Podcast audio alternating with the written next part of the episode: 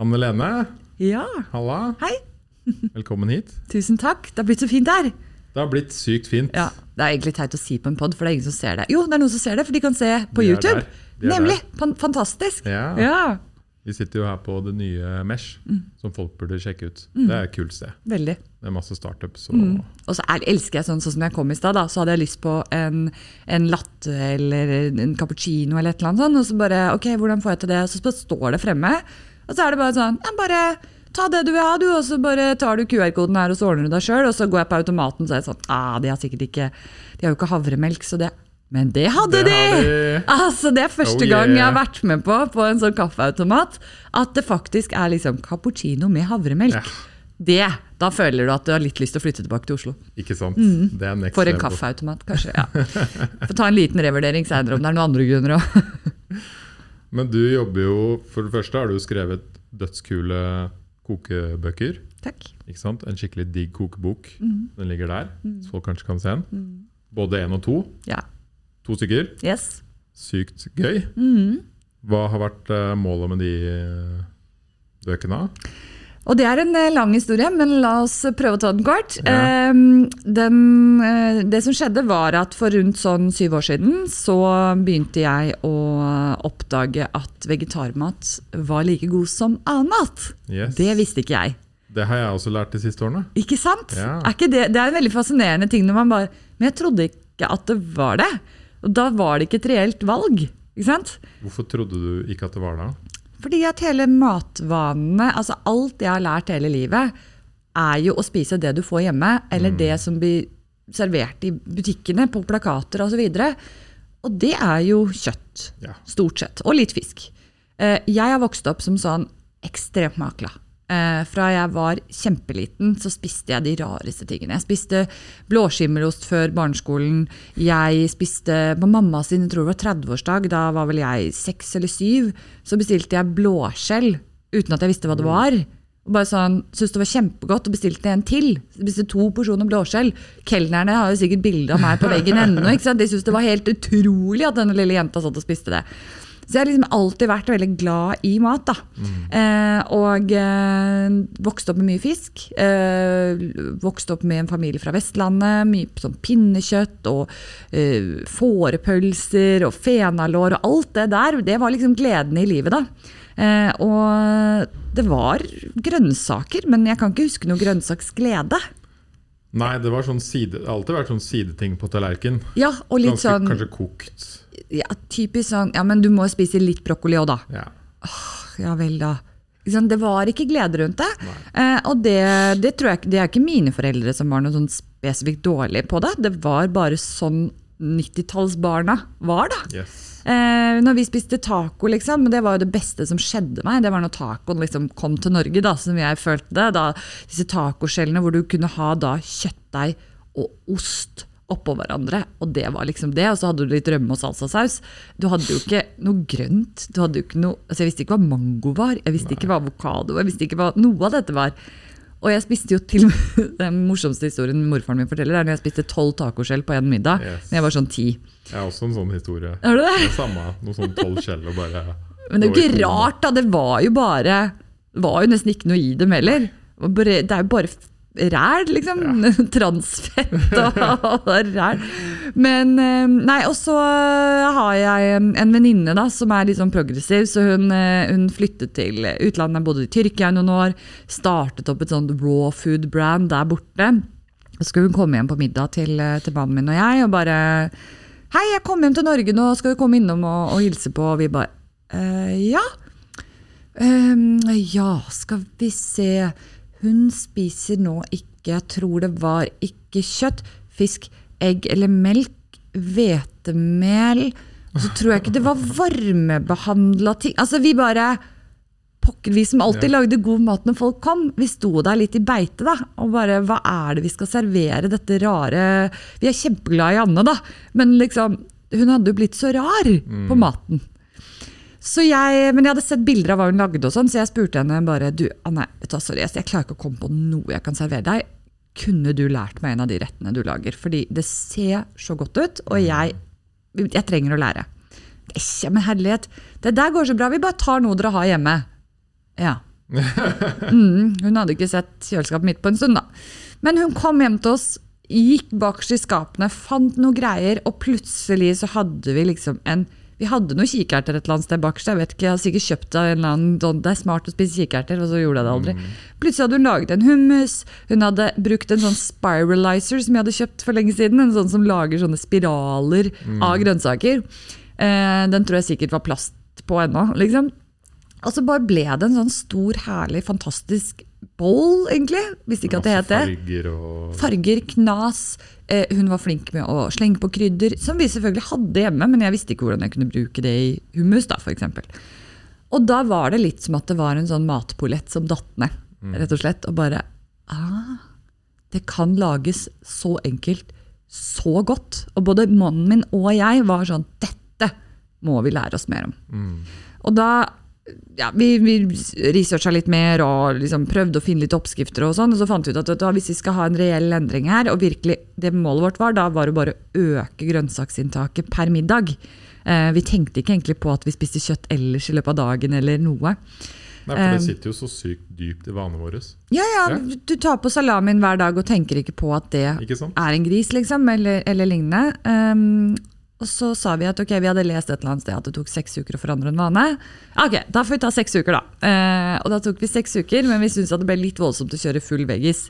Så vi kjørte middager fem dager i uken. Ja. Så hadde vi to liksom, sånne hviledager. Eh, og det var en lang og rar prosess de første tre ukene, hvor det var mye rare retter vi lagde. Men plutselig så var det som en bryter, hvor vi bare skjønte opplegget. Og så har ikke jeg sett meg tilbake Nei. etter det. Det er ca. syv år siden. For det er to gode måter å endre vaner på. Mm. Hvert som jeg har lest. da. Det er å gå litt sånn nesten all in, Mm. som kan være veldig vanskelig for de fleste. Og så er det å gjøre små Eller på den andre siden er det å gjøre små endringer da, i livet som Ja. over tid Mm. gir mye verdi. Ja, ja. Altså det du gjør i dag, er jo det som former i morgen. Ja. Eh, så du trenger jo ikke å Du trenger ikke gjøre det sånn som vi gjorde det. Men jeg tror det at det å i, altså For syv år siden så var det ikke det fokuset som det er på vegetarmat nå. Nå kan du gå på hvilken som helst av liksom, Meny, Coop, alle disse nettsidene, og så finner du masse vegetaroppskrifter og masse flotte bilder, og du har masse ferdigprodukter og alt. Eh, nå er det lettere å skulle gjøre en sånn challenge, for å si det sånn. Eh, men la oss si at man sier at vet du hva, vi skal nå gjøre det sånn at én av helgerettene skal alltid være vegetar. Og hver mandag og onsdag så skal vi prøve en ny rett, f.eks. Eh, Det trenger ikke å være fullvegetar heller. Kanskje det er det at du sier at vi skal bare ha 10% av retten skal være kjøtt, og resten skal være grønt eller noe annet. Så det er så mange måter å gjøre det på, da. Mm. Men ja, det er det- sånne enkle tips jeg også prøver å gi til mine Mm.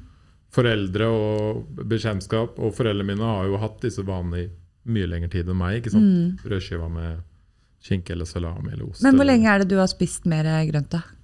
To-tre år, kanskje. Ja. Ja. Hvorfor begynte du? Uh, jeg har jo en kjæreste som er veldig interessert i det. Mm. Og så liker jeg også å gi meg selv sånne challenges. Mm. Så vi kjørte en måned vegetar Mm. og en måned vegan. Mm. Hvor målet egentlig mest var å lære seg nye retter.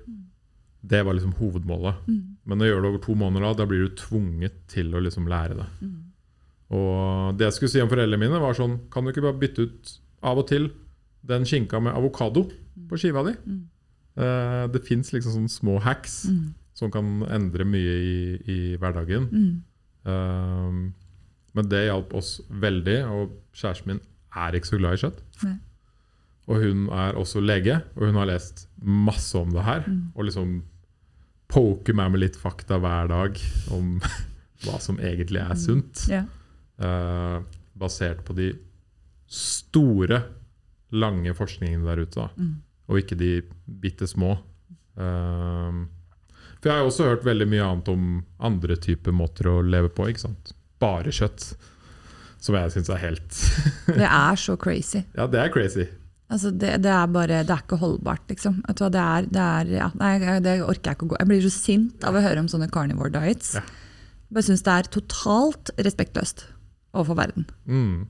Eh, rett og slett. Én ting er om du bare tenker på det helsemessige, så skal ikke jeg si noe. For i, i, All forskning jeg har lest som har noe som helst troverdighet, sier at det der ikke er bra. Men la oss si at det var bra for helsa di, da. Men det er liksom da, Du tar det verste tingene du kan gjøre for klimaet, Mm. og så gjør du det hele tiden.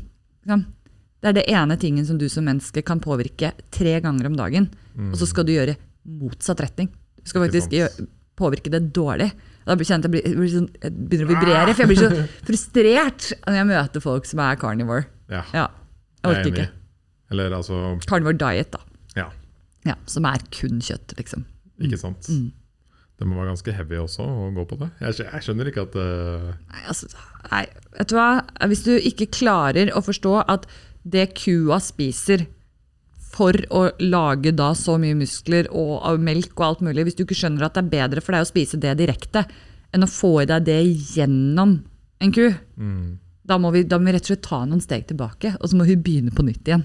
For da har du liksom missa litt poenget, da. Men det er jo en snarvei, kanskje, da, for mange. Men dette er jo problemet, fordi eh, Det oppstår jo veldig mange sånne hypes, sånn som Carnivore. Mm. Ja. Og det høres jo veldig kult ut Mm. når en dødskul podcaster fra USA Mm. som ser svær ut og liksom dødstrent og bare sånn Det går jeg på, Mm. og det funker dritbra. Og jeg spiser bare grass-fed beef og Det er litt problemet i dag. Ja, det er for mye sånn- sånne fads, liksom. Det er Ja. for mye Og du kan jo bare Hvis du googler uh, vegan heavy lifter eller et eller annet sånt, så finner du jo en på det òg. Hvis du googler uh, lavkarbo heavy lifter, så finner du en på det. Mm. Uh, hvis du finner fruktarianere Du kan finne de som har kjempemye muskler, som bare spiser frukt. Mm. Så det betyr ikke at det er sunt eller bra at du klarer å bygge muskler. Det er bare en funksjon. Det betyr ikke at du kommer til å leve til du er 100. Eller at du er lykkelig, for den saks selv. Um, og jeg er veldig opptatt av det med at vi, vi vet for lite om hvor mye tarmen påvirker oss, men det vi vet er at 90% av lykkehormonet, eller vi kaller det det da, det er serotonin, det lages i tarmen. Og hvis du da bare gir det ting som ikke tarmen kan spise, og tarmen spiser fiber, det er maten til tarmen din, liksom. Hvis du bare gir den kjøtt, da, så får du jo ikke en eh, hva heter det, divers eh, tarmflora. Diverse, hadde jeg lyst til å si nå. Blir veldig sånn eh, eng engelsk. Um, da får du ikke en tarmflora som klarer å gi deg alt det du trenger. Ikke sant? Og det syns jeg, så jeg er veldig lite for sånn derre Ikke 100% dietter på noe som helst vis. Men Det blir, det blir også på en måte det samme som folk som går 100% vegan. For det er veldig mange som gjør det, og gjør det på en veldig lite bærekraftig måte for kroppen sin. Da. Ja. Gjør det det rett og slett usunt. Ja, men det er jo det som jeg syns er så synd, er at vi snakker om For det første, så vegan liksom Du kan si vegan food, men det å være veganer, det handler jo ikke om mat. Nei. Det er bare en del av det å leve eh, Altså det å være veganer, det handler om å gjøre minst mulig skade på levende skapninger i livet ditt. Og det betyr at du, da kan du jo ikke spise de. Men det betyr ikke at du ikke kan kjøre bil, fordi at da dreper du en flue med vindusviskeren din. Mm. Det er ikke det det betyr, og det er det som veldig mange liksom, ja, kjefter på veganere for. da, Fordi de skal være så liksom, Du klarer ikke å være perfekt, du heller. Men det handler om å gjøre minst mulig skade med vilje. ikke sant? Um, ja, nei, nå surrer vi oss bort. Men det jeg skulle si i stad, var at um, etter jeg innså at dette var så godt, da, så hadde jeg på en måte plutselig ikke noen argumenter for å spise kjøtt lenger. Det var veldig vanskelig. Fordi når du har levd hele livet, og du har gleda deg til pinnekjøttaften, som er én gang i året med hele storfamilien, når du hver liksom, uh, sommer skal spise store kongekrabber og videre altså, Når hele livet handler om mat på mange måter, om matminner Det å ta det steget til siden, selv om det er like godt, det er vanskelig. Og det var det jeg skjønte, at dette her må jeg jeg må prøve å få det litt mer vanlig, så det blir litt mindre vanskelig for meg selv også. Men vi må, vi må prøve å normalisere det. At man ikke bare skal spise kjøtt og fisk og også andre levende vesener. Yes. Um, og så jobbet jeg på dette tidspunktet i Google som analytiker. Og det betyr at jeg jobbet med å få norske merkevarer. De største som jobber med, Det er bare de som får jobbe med på måte Google i Norge. Det er, det, det er alt fra SAS og Norwegian og Rema 1000 og Oda.no og alle disse her. da. jeg prøvde å få de med på dette. Eh, så jeg husker jeg hadde møte med Tine for eksempel, da, i 2014. ikke? Eh, hvor jeg prøvde å få de til å skjønne at nå kommer plantemelken for fullt, folkens! Viste statistikk fra USA og liksom viste litt fra Norge, men det var jo bitte lite, ikke sant? Eh, og de bare ja, nei, det, det, vi driver med melk, vi. Vi driver ikke med sånn tull. Og så prøvde jeg det i 2015, og så prøvde jeg det i 2016. Og så prøvde jeg det i 2017! Altså, Jeg kom ikke gjennom. Selv om markedet vokste, så hadde de ikke tro på det. Og jeg ble så frustrert, for jeg var sånn, dette Ja, her er jo et marked. Tine burde jo tatt det i 2014. De burde begynt utviklingen med havremelk da. Vært da Oatly. Nettopp. Eh, Men det gjorde de ikke, fordi at de er så tviholder på at de er jo eid av samvirke. Det er jo et samvirkelag. Så de er eid av melkebønder. Men de burde jo ha gjort om, Så de slapp nå å sitte bare i posisjon og forsvare seg hele tiden. Og Ja. de kunne eid det markedet. Helt gammeldags. Nei, Så da fant jeg ut at eh, etter mye liksom, spørsmål fra venner og familie, som da var veldig glad i å komme på middag til oss plutselig, men aldri ville ha oss på middag lenger. For I tillegg til dette fikk jo mannen min cøliaki midt oppi alt dette her, så han kunne ikke spise gluten lenger heller. Så det er sånn, hvem er det som vil, ja. vil ringe de der nyblivende vegetarianerne som ikke kan spise gluten engang? Altså, Du kan ikke servere dem en pizza margarita engang, liksom. Um, så vi hadde mye gjester, men vi blei aldri bedt bort. Og da begynte jeg sånn, ok, skal jeg prøve å få liksom, lagd en nettside med oppskriftene mine? Skal jeg gjøre det sånn at folk kan lage det selv? da?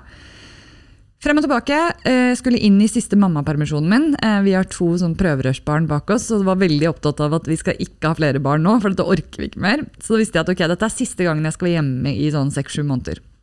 Da kan jeg lage kokebok, tenkte jeg. Eh, det er den eneste gangen jeg får liksom muligheten. Så dro jeg til eh, det eneste forlaget jeg egentlig visste noen som hadde gitt ut bok på, det var Gyldendal. Eh, fikk et møte der, pitchet inn ideen min om å lage da en skikkelig kokebok 1. Eh, og fikk ja på første møte. Ja. Og da visste jeg ikke helt hvor jeg skulle snu meg. For da var det sånn jeg hadde tenkt at jeg kom til å få nei. Og at jeg da kunne legge vekk dette her. For ikke var jeg kokk. Ikke hadde jeg følgere på Instagram. Jeg var jo, jeg var jo på en måte ikke noen som kunne gi ut en kokebok. Men fordi jeg viste statistikken, hvordan jeg skulle jobbe for å få til en bestselgende kokebok, og alt mulig, så trodde de på konseptet. Og da fikk jeg deal, og eh, boken kom da et halvt år etterpå.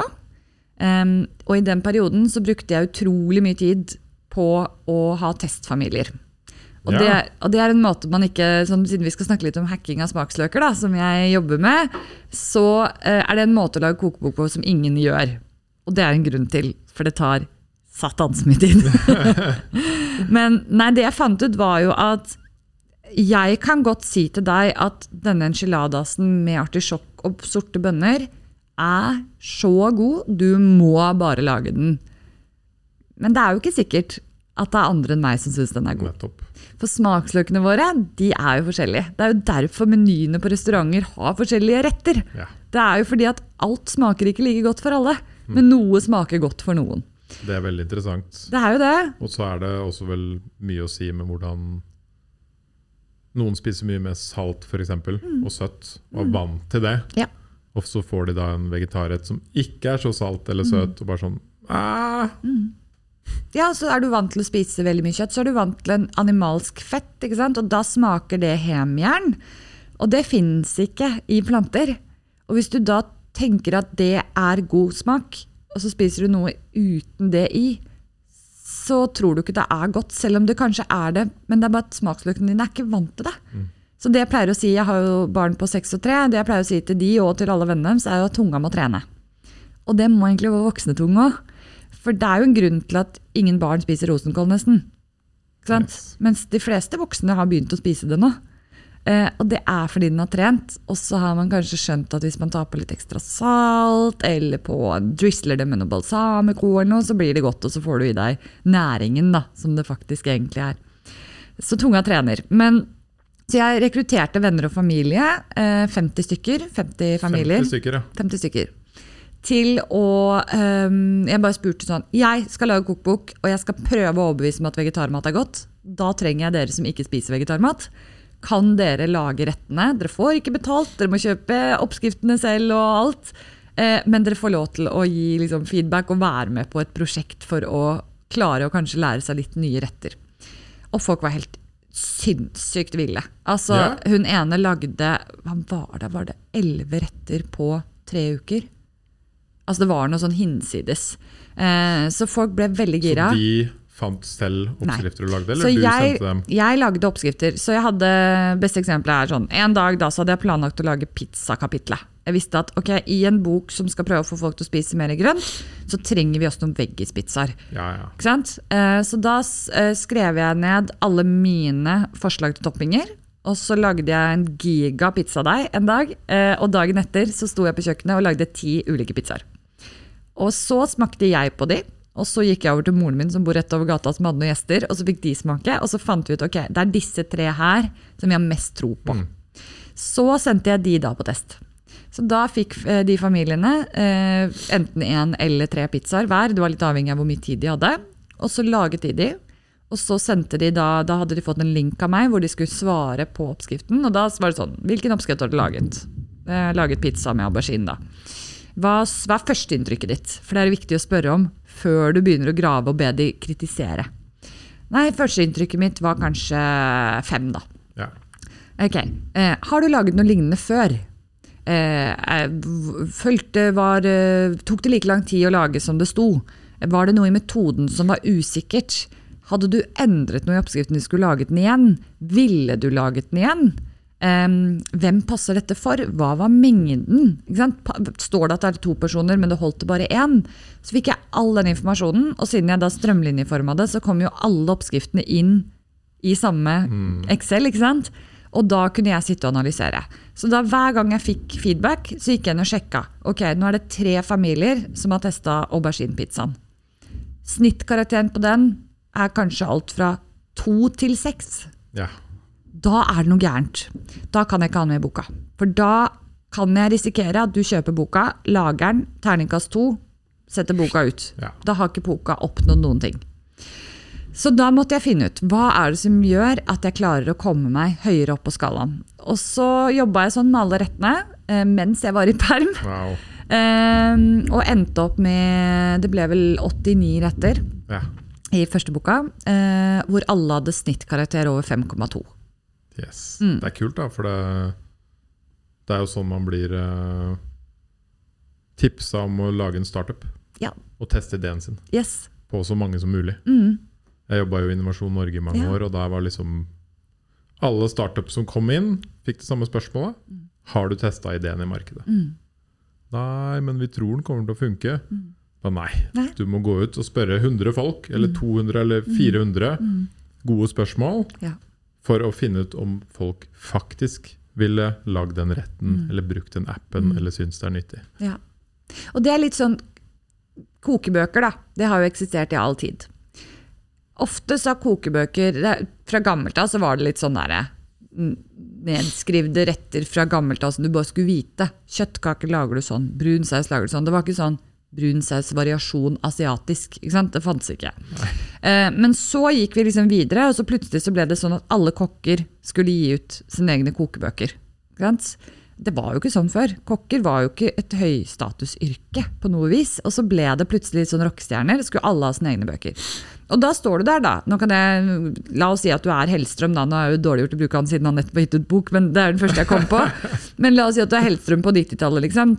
Skal gi ut en kokebok, så er det litt sånn Skal du gi ut en bok som du, du gjør ting mye enklere, så folk faktisk kan lage det selv og være kongen på eget kjøkken? Eller skal du vise hvor flink du er? Ikke sant? Du er nesten nødt til å vise hvor flink du er. Ja, ja. Fordi at Ellers så skader du ditt eget brand ved at du ikke er avansert nok. Mm. Og Det har liksom vært litt av problemet. da. Eh, nå har det begynt å bedre seg på den fronten også, så det er flere kokker som skjønner at de er nødt til å eh, dumb it down litt. Eh, og du kan liksom ikke ha fermenterte eggeplommer på tirsdag. Nei, den, det, litt, det blir litt vanskelig. Ja, det blir vanskelig. Nei, Så det jeg er veldig opptatt av, er jo at min bok skal ikke gi deg inntrykk av at jeg er flink til å lage mat. Det har ingenting for verden å gjøre. Om jeg er verdens beste på å lage mat, har ingen forskjell. Men det som har veldig forskjell, er hvis du blir flink til å lage vegetarmat. For da kommer ditt kosthold til å kunne endre seg for alltid. Og hvis du endrer, som vi snakket om innledningsvis, at du, hvis du endrer to retter i uka, og så spiser du som du alltid har gjort ellers, Da har du plutselig endra ca. 30 av kostholdet ditt. da. Ja. Sant? På bare to ulike middager. Sånn ca. To og en halv. Eh, så det er så mange muligheter når du eh, klarer å vri perspektivet fra å vise hvor flink jeg er, til å faktisk være en lærer. Og lære andre hvordan er det du kan lage en quesadilla på 15 minutter som blir så god at du faktisk kommer til å klare å lage den på en tirsdag. For det jeg ofte spør folk om, det er sånn hvor de spør sånn, hvor skal jeg begynne, og jeg vet ikke helt hvor jeg liksom, ah, jeg har lyst til å spise mer vegetar, men hva er dine beste tips? Da sier jeg, se på de ti rettene som vi nordmenn i snitt lager hvert år. Eh, altså middager. Det er det som vi ofte roterer. Se på, Skriv ned de som dere oftest har. Man har en bolognese, har du noen pannekaker, og så har du noe. ikke sant? Så tar du og så stryker du alle de som har terningkast fire eller under. De skal du ikke lage med kjøtt igjen. For det, det mener jeg virkelig. altså For verden fremover så kan vi ikke lage terningkast fire-retter av ting som påvirker både klimaet så dårlig og dyr så dårlig. Hvis du skal spise kjøtt, og fisk også for den slags del, for det er også dyr, så skal du hedre de. Og da skal det være knallgodt. Du skal ikke kaste fordi du har tatt på for mye. Du skal kjøpe eksakt det du kommer til å spise, og du skal kjøpe så bra som mulig. Og gjerne da mye dyrere enn vi gjør i dag. Det er akkurat sånn jeg gjør. Bra. Eller det er sånn livet mitt har blitt, fordi jeg, jeg visste at jeg aldri kom til å si på en måte, Eller aldri si aldri, men tror jeg aldri kommer til å si nei til pinnekjøtt eller ribbe eller en crispy duck-middag eller et eller annet sånt. ikke sant? Men når jeg nå spiser det mye mer sjeldent, og så spiser jeg jo ikke sånn kjøttdeig og skinke og salami og alt det der, Nei.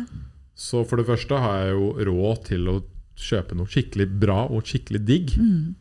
Og for det andre så er det jo mye mer spesielt.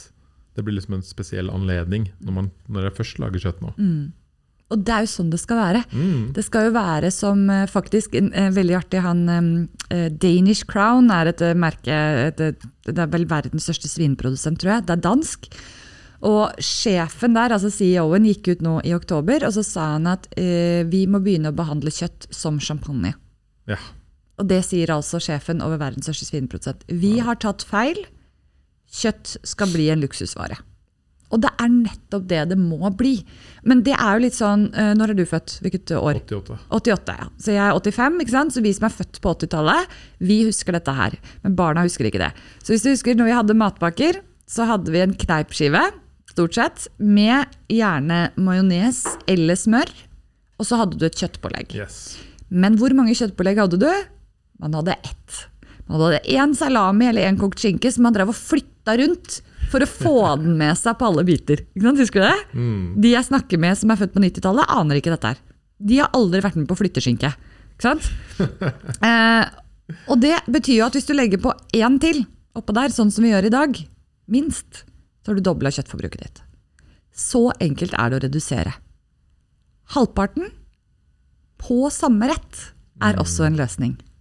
Jeg snakket jo med en, en eh, ja det samme hvem det er egentlig, men det var en som sa at ja, men du, altså, jeg spiser nesten ikke kjøtt lenger, så det har, har virkelig, virkelig endra meg mye.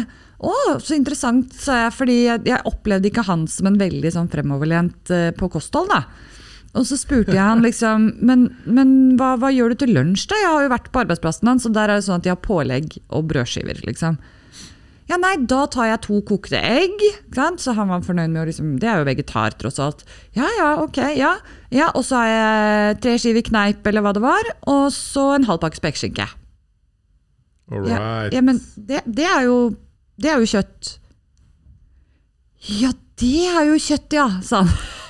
Fordi han forbandt ikke spekeskinke med kjøtt. Og han spiste en halv pakke hver dag. Og så dette er en mann som eh, kan nok ha litt høyt blodtrykk, for å si det sånn. Og så sier jeg til han at men har du egentlig sjekka hvor mye salt du får i deg bare på lunsjen hver dag da? Så gikk vi inn og sjekka, og så tror jeg det var at vi fant ut at han spiste jo opp mer enn dagsforbruket, eller maksgrensen på salt, på det ene måltidet. Og det var bare skinka. Da har du ikke med saltet som er i brød, eller kanskje han tok det på egg, eller Ikke sant? Og da blir det sånn Uff.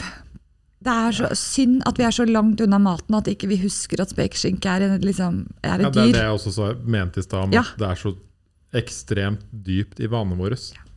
Når du skal ha en blomkålsuppe, så må du ha kjøttkraft i. Yes. Sant? Nei, må ikke det. Og du må ikke ha stekt bacon på toppen. Du kan faktisk, vet du som er kjempegodt, det er å steke soltørkede tomater i olje. Sånne små biter. Stek de litt sånn sprø og knasete. Og tar du det opp på suppa, kjempegodt, ikke sant? Men du vil jo ikke bare ta vekk baconet på den suppa du alltid har lagd. Du må legge til noe som gir deg den samme umamismaken, den samme sprøheten, saltet. Noe som er digg. Ikke sant? Og derfor så var det så viktig for meg med de testfamiliene. Fordi at da fikk jeg reality check på det at jeg har blitt kjempeglad i hummus og alle sånne ting som folk er litt usikre på. Ikke sant? Synes det er litt sånn Hva da, må jeg kjøpe noe som heter tahini? Ja, men hva er det? Og det står jo i alle butikker, stort sett, i hvert fall i Oslo-området, så er det liksom i store butikker så har de det. Men likevel så skal du lære folk å gå i en ny hylle, kjøpe en ny ting som de ikke helt skjønner hva er. Og når jeg sier nøttesmør, så er det sånn, ja, det har jeg aldri smakt. Ja, men peanøttsmør da? Ja, det har jeg smakt. Så er peanøtter en belgevekst, men det, det er ikke en nøtt. Vet ikke om du visste det. Men eh, det, det er bare sånn artig liten fun fact. Peanøtt er ikke nøtt. Men, men folk trenger opplæring, og da må vi ja, nemlig. Da må man finne ut hva funker. Og det er hele greia. Ja.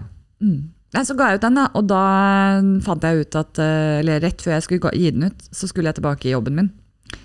Og så kom jeg på Google Park Brygge, satt meg ned i stolen min, og så husker jeg det tok 15 minutter før jeg bare Kan ikke være her mer. Nei. Fordi jeg hadde da jobba fram et manus, vi hadde tatt bilder, vi hadde gjort alt klart, og den skulle snart ut. Og jeg visste at jeg må komme meg på God morgen Norge, jeg må bygge en sosial medieprofil. Men gjøre alt jeg kan for at dette budskapet skal komme ut. Hvis ikke så hadde jeg brukt hele permisjonen min på noe som ikke kom til å ha effekt. Så da satte jeg meg ned med mannen min den kvelden, og så snakket vi om det. Og han var enig i at dette prosjektet hadde blitt veldig viktig for han òg. Så vi sa ok, jeg kan, ikke, jeg kan ikke bli i Google nå i tre måneder, komme inn i alle prosjekter igjen, for så å slutte. Liksom. Så hvis jeg skal slutte, så må jeg gjøre det nå. Så da sa jeg opp to dager etterpå. Og det er jo ikke et selskap du egentlig har lyst til å si opp i. Det er jo Nei. knallbra, liksom. Um, men jeg gjorde det, uh, og da satte jeg meg det målet som står på alle steder du finner noe av meg, og det er at jeg skal jobbe for å redusere kjøttforbruket med 30% innen 2025 i Norge. Og det tallet ble satt fordi at dette var i 2019, og hvis du gikk 30% tilbake da, så havnet du i 1989. Oi. Og det var 30 år. Og jeg tenkte, jeg var fire år i 1989. Altså, vi spiste jo kjøtt da òg. Ærlig talt, det må vi klare. Og så samsvarte det også da med kostrådene på det tidspunktet. Um, så da tenkte jeg ok, det må vi kunne klare innen 2025. Jeg visste at det kom til å bli mye mer fokus på dette med kjøttforbruk i forhold til klima framover. Så tenkte jeg ok, hvis jeg kan bidra med min måte, analysebakgrunn og min tallforståelse til å klare å omsette dette her til matglede, så bør det kunne ha noe effekt. da. Så kom eh, boken ut i mars 2019, og eh, av alle ting så slo den Hellstrøm, som også ga ut bok er samme uke, av en helt ukjent person, og så lå den på eh, topplista i 28 uker. Wow. Det er også noe igjen med det du Ja, gratulerer med det. Mm. Jo, jo, jo, det er lenge siden. Men det er også, tror jeg, veldig mye med det du sa, at hvis du kjøper boka til Hellstrøm, så tenker du ah, kanskje en gang i halvåret skal jeg lage en Hellstrøm-oppskrift. Mm. Da må jeg liksom sette av lø hele lørdagen og kanskje litt av fredagen til og med, Mm. for å planlegge det. Eh, men hvis man kjøper en bok av noen som ikke er en sånn superkokk, Mm. og har vært masse på TV og lager masse syk mat, men en eh, person som på en måte, som du sier, da, ikke har den Hellstrøm-kokkebakgrunnen. Kutter Så er det ikke mer- julienne. Ikke sant? Ikke sant? Jeg bare kutter opp gulrota. Mm. Det heter ikke noe, det heter bare kutt i småbiter. Yes. Ja. Det er lettere for folk å koble mot Ja. seg selv. Da. Og så er det det at på forsiden, da, nå er det bok to som ligger her nå, men bok én er veldig lik, der står det liksom 'testet og godkjent av 50 familier'. Yes. Sant?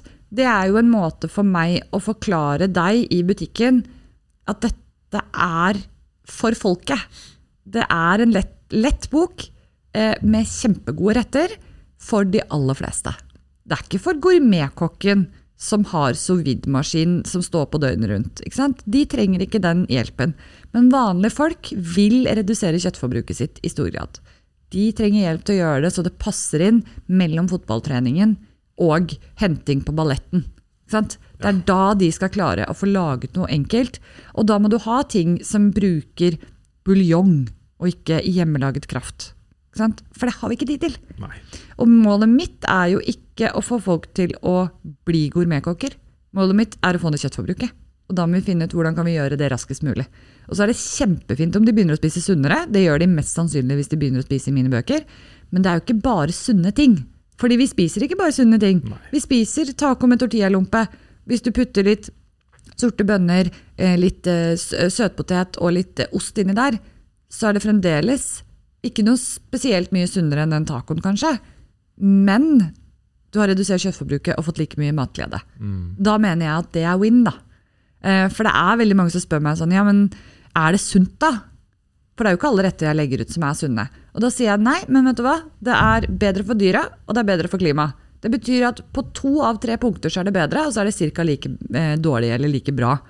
Og det Ja, gjelder jo og så skal man jo kose seg skikkelig av og til. Selvfølgelig.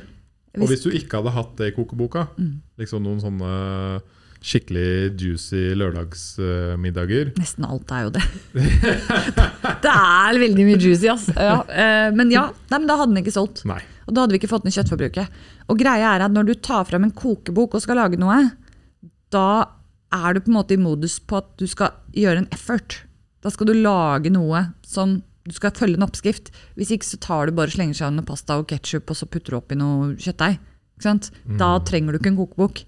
Men hvis du skal lage en eh, god lasagne, da følger du en oppskrift. Ja. Og da, sånn som den vinnerlasagnen som er i bok to, som er ekstremt populær. Det var syv forsøk før jeg klarte å naile den, for den begynte jeg med helt fra bunn. Eh, basert på en bolognese-oppskrift som jeg har i den andre boken. Og liksom jobbet og jobbet og jobbet for å få den perfekt. Og så sendte jeg den på test. Fikk tilbake enda mer, enda mer perfeksjon. Og når den da er ferdig, så trenger du ikke å lære noen flere lasagner. Det er morsomt at du sier lasagne, for jeg har også min egen sånn som jeg har utvikla over et par år. Ok, Yes. altså vi har kanskje ikke tid til å gå gjennom all oppskriften nå, men den må jeg få se senere. Ja, Eh, For det er jo veldig nysgjerrig på hva som gjør den umami. Ok, men hva gjør umamismaken oppi denne? Hva er som er hmm. hva, Hvorfor tror du den er god? Ja, det er et godt spørsmål. Mm. For jeg har, og jeg varierer med ting, Ja, så den ikke alltid blir lik. nei, Men det er noe med den, eh, som du sa, du hadde sånn bolognese-bakgrunnssaus. mm, Det er noe med at jeg også har hatt en sånn tomatsaus som jeg har utvikla over tid. Oh. Som liksom, Når jeg har den i bunn, Ja. og så putter man på litt mer godsaker, Mm. så blir det Og du kan jo også bruke det som pastasaus. mm. Og oppi andre retter. det gjør vi òg. Ja. Men det er jo dette matlaging handler om, og veldig Mm. mange spør om det. Ja, men finner du på alt dette selv? Ja, men du får jo inspirasjon, ikke sant? Yes. Altså, en eller annen gang så har du lært deg å lage en tomatsaus, og så har du etter hvert da utvikla den fordi du syns det var godt med bitte litt mer sødme oppi, så du kanskje tok oppi en halv teskje sukker fordi at tomatene ikke var søte nok, eller et eller annet. Og så bruker du det videre, og så skal du lage en pizzasaus. Så bruker du det som base. Men hvem er det som lærte deg Du tenker ikke liksom Nei. At Det er det, er jo din egen opplevelse av mat som du setter sammen til noe som blir godt i, Mm. di, i ditt smaksbilde. Da. Og det er det som er så interessant med å jobbe med mat også. Eh, apropos pinnekjøtt, da, som du sa i stad. Nå kommer jeg hvert øyeblikk eh, med en pinnekjøttvariant. Og det er, sånn som, det er for spesielt interesserte, selvfølgelig. fordi at det blir jo ikke pinnekjøtt. Men det blir veldig likt. Eh, da bruker jeg noe som heter jackfruit. Mhm. Og så, ja, For den har jo litt den revne uh, Ja, du ser veldig likt ut. Uh, og så bruker jeg da liquid smoke ikke sant, for å få litt sånn røkt smak på det. Uh, jeg bruker tamari eller soyasaus for å få inn den umamien. Og så Først så koker jeg inn buljongen med det, og så steker jeg det etterpå i ovnen, sånn at du får litt de tørre bitene som man ofte får når man tar det inn i ovnen. Og så tar du det da ved siden av tradisjonelt pinnekjøtt. Eh, Så vil du ha samme opplevelse. Yes. Du smaker forskjell, men du har samme den derre Nå setter vi oss ned og spiser den rotmosen, eh, og du har eh, det, det lukter jul hjemme. Altså Alt annet er likt. da. Så når jeg skal lage den for første gang i år på pinnekjøttlaget til familien, hvor vi har 30 stykker som spiser, så kommer jeg til for første gang å ikke sitte der og føle at retten min er annerledes. yes. Og det er en stor seier, syns jeg. Fordi du spiser jo pinnekjøtt innimellom, og det kunne selvfølgelig jeg gjort òg, men jeg gjorde det, jeg prøvde å smake ett år og bare kjente at jeg liker det ikke lenger. Nei. Fordi for meg smaker det ikke likt som det det gjorde da. Og kjæresten min hun har lagd to år på rad nå Mm. Ja. nøttestek Ja, på pinnekjøttkvelden. ja. Det har jeg også. Ja. Så det har liksom vært en, en ekstra ting ved siden av pinnekjøttet. Mm. Er den innbakt, Som eller? alle digger. Ja. Innbakt. Kult. Jeg har eh, to stykker der. Ja. Mm. Og det er veldig gøy, fordi eh, hun fikk jo bare supermasse skryt. Ja. Alle likte den. Og da spiser du litt mindre kjøtt òg. Ja, og det er jo det. Altså, ta alltid med deg til så andre får smake, men aldri push andre til å smake. Og det er sånn viktig, nå går vi inn i julesesongen, og julen er jo ikke den tiden du skal begynne et veggisprosjekt. liksom, det er ikke noe vits i. Det er de få tradisjonsrettene vi har i år, liksom. Begynn heller mellom nyttår og jul enn jul og nyttår, med å endre noe. Eh, men kanskje du kan tenke litt på at du kanskje ikke tar på mest ribbe.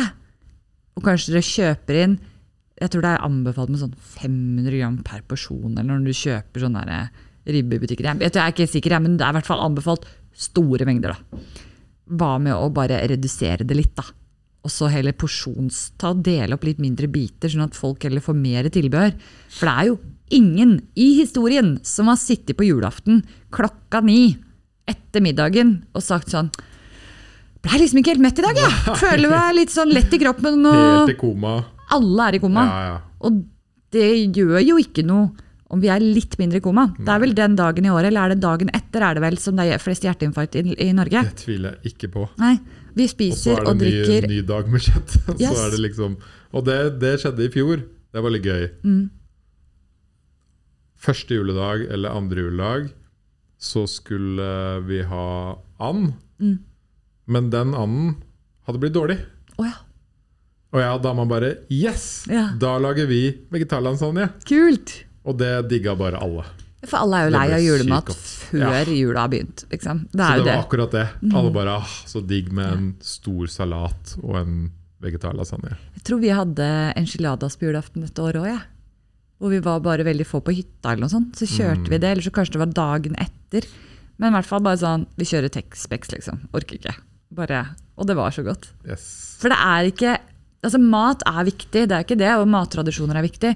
Men det å samles rundt et liksom, matbord hvor man har brukt lang tid på å lage maten, og det er levende lys, og det er juletre, og det er julemusikken, og du har gløgg og alt mulig annet rundt, så er det ikke noe farlig om det er en herlig lasagne på bordet. Men igjen, ikke ta fra faren din ribba Nei, og, nei, nei, og tro at liksom, du får applaus for en vegetarlasagne på julaften.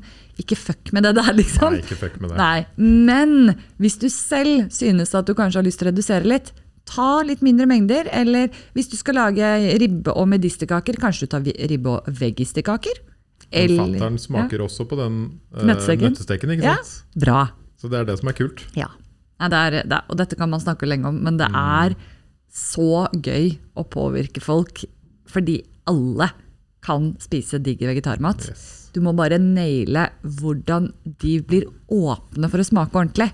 Og da må du ikke be inn til vegetarlasagne. Da må du si sånn Hei, du, på mandag lager vi lasagne, har dere lyst til å komme på middag? Ja. Det må du si. Og så, når du spiser den, så trenger du ikke å si 'Visste du at du var vegetar, eller?' Bare spis godt, og når dere har spist opp alt, så kanskje du sier sånn eh, 'Ja, forresten, hva syns dere om vegetarlasagnen, da?' Sant? Eh, da, stort sett, i hvert fall med den vinnerlasagnen, så er det ingen som tror at det ikke var kjøtt i den.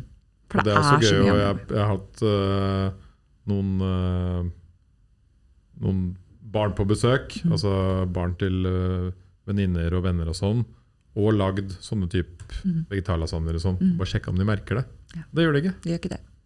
Og da mener jeg, da bør du ikke kjøpe kjøttdeig. Yes. Hvis ikke du merker at den blir borte, da er det jo gærent.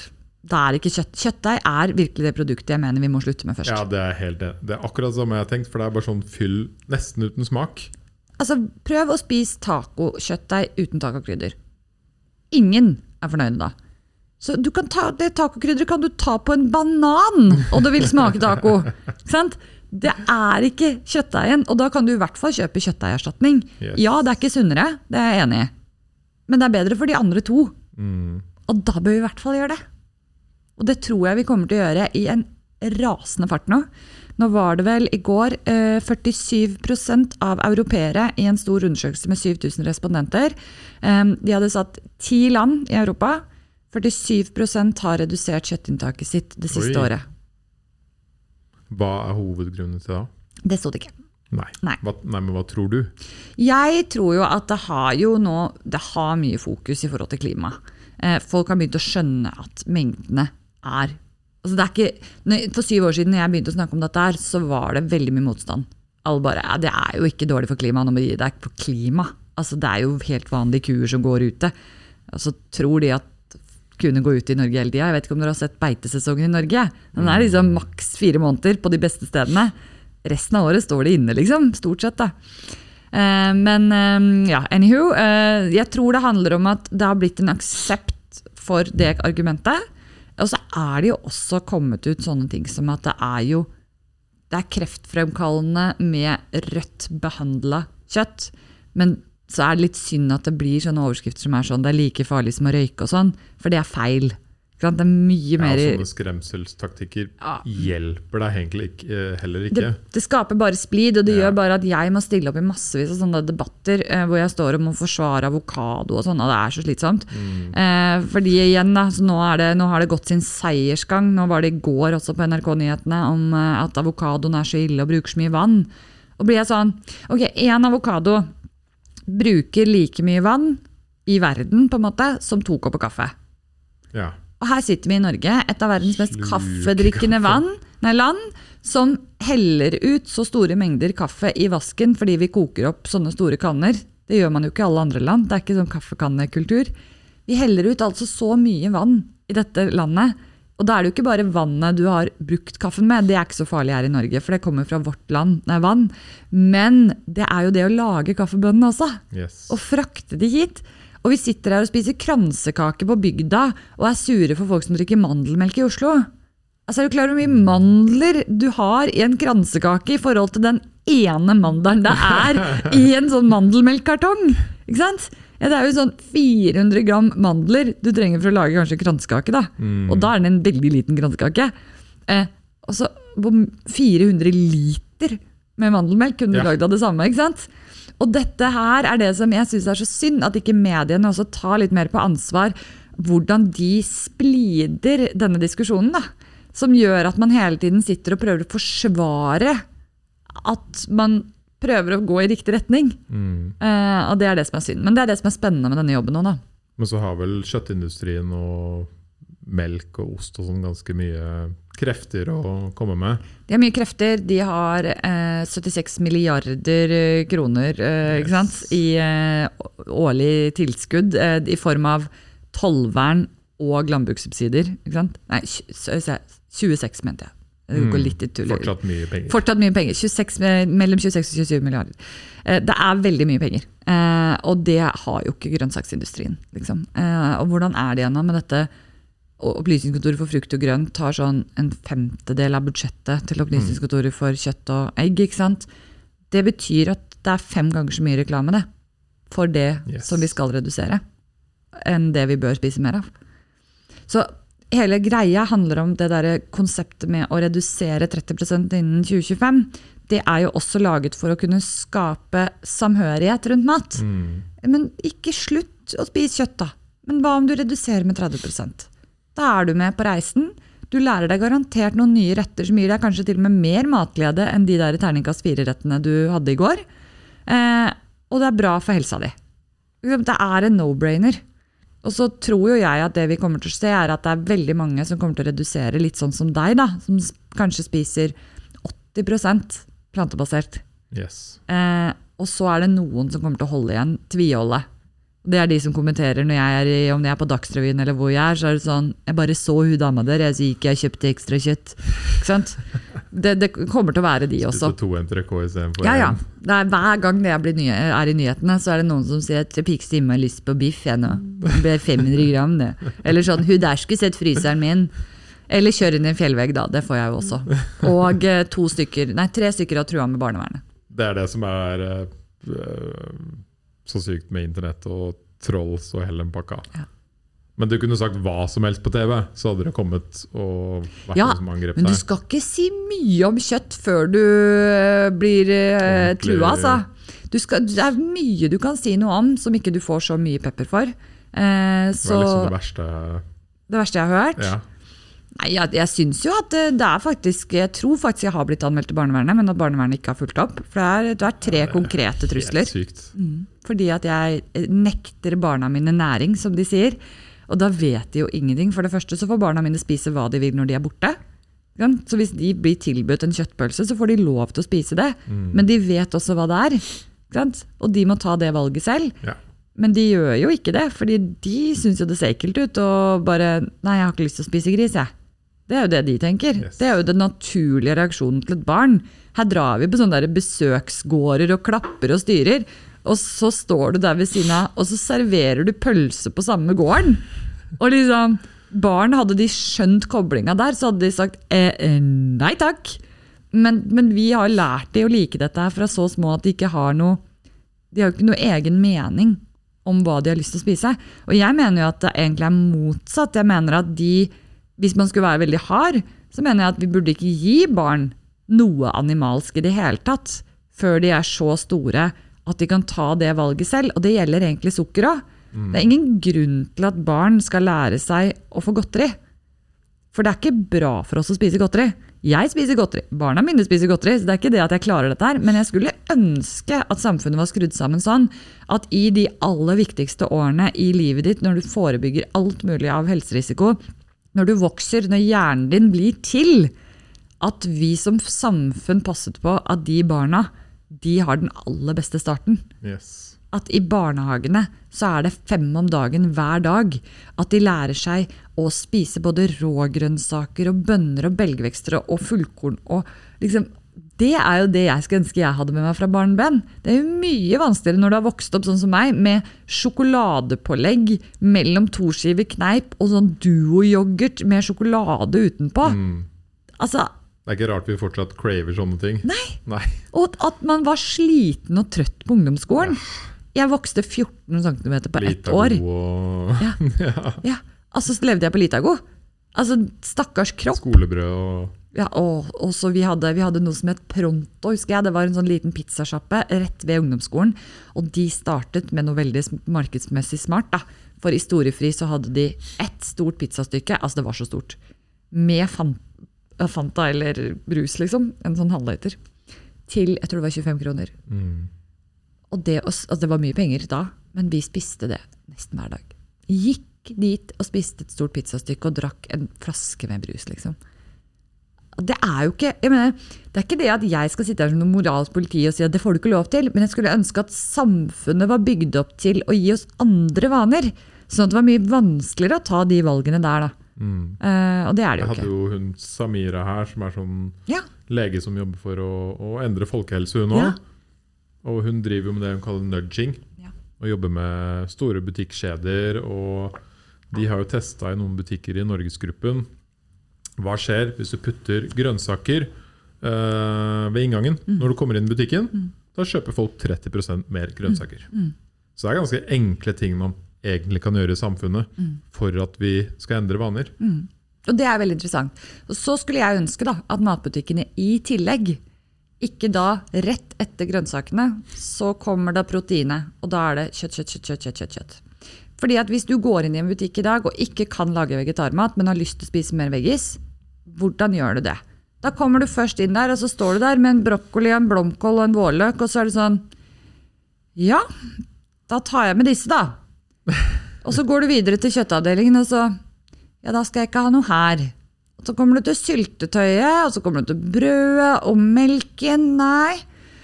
Ok, hvor skal jeg gå? Altså, du skjønner jo ikke at Nei, du da skal kunne gå f.eks. og finne kikerter, og så må du gå et annet sted og finne krydder. Og så må du blande det sammen, så må du steke det i ovnen, og så må du kutte opp de, og så bør du, hvis du skal ha blomkål, kanskje du skal panere den med noe, sånn at du får en annen type, eller kanskje du skal ha en hvite bønner i blomkålmosen, og så bør du kanskje ha noen soltørka tomater, og det er en helt annen hylle igjen. Vi hjelper jo ikke til med å klare å lage sånn type mat som er i den boken der, eh, fordi at bransjen har så mye makt. yes. Eh, og så er det jo noen steder hvor du har laget sånne vegetarhjørner, som er veldig praktisk for sånne som meg, som bare skal dit. Så det er helt greit. Men det hjelper jo ikke tanta til mora mi. Nei. I det hele tatt. det. Ja, Der kommer hun jo aldri over de produktene. Du går jo ikke inn i butikken, De fleste går ikke inn i butikken og sånn 'Nå skal jeg kose meg her en times tid og gå og kikke litt på alt de har'. Det er ingen som handler sånn. Nei. Du går Ok, denne hylla pleier jeg alltid å være i. Hva er det jeg pleier å ta her igjen? Jo, jeg pleier å ta pasta, stemmer det. Og så skal jeg vel ha brød. Går jeg bort dit, så tar jeg det brødet jeg alltid har tatt. For vi orker jo ikke å ta nye valg hver vi er i butikken. Det er jo noe av det mest slitsomme for folk, og det er derfor Samira også jobber med det hun gjør, men nudging, er jo å ta valg. Derfor så går vi på automatikk. Derfor så kjøper, derfor så har du kanskje veldig mange svarte gensere. Nå bare gjetter jeg. Det er Ikke sant? For da, 100 da slipper du å ta det valget. Skal jeg ta den blå, grønne, lilla, litt sånn gul-varianten der, eller en oransje i dag? Det blir veldig slitsomt. Så da prøver man liksom å minimere bort alle valgene. Og det er det jo i matbutikken òg.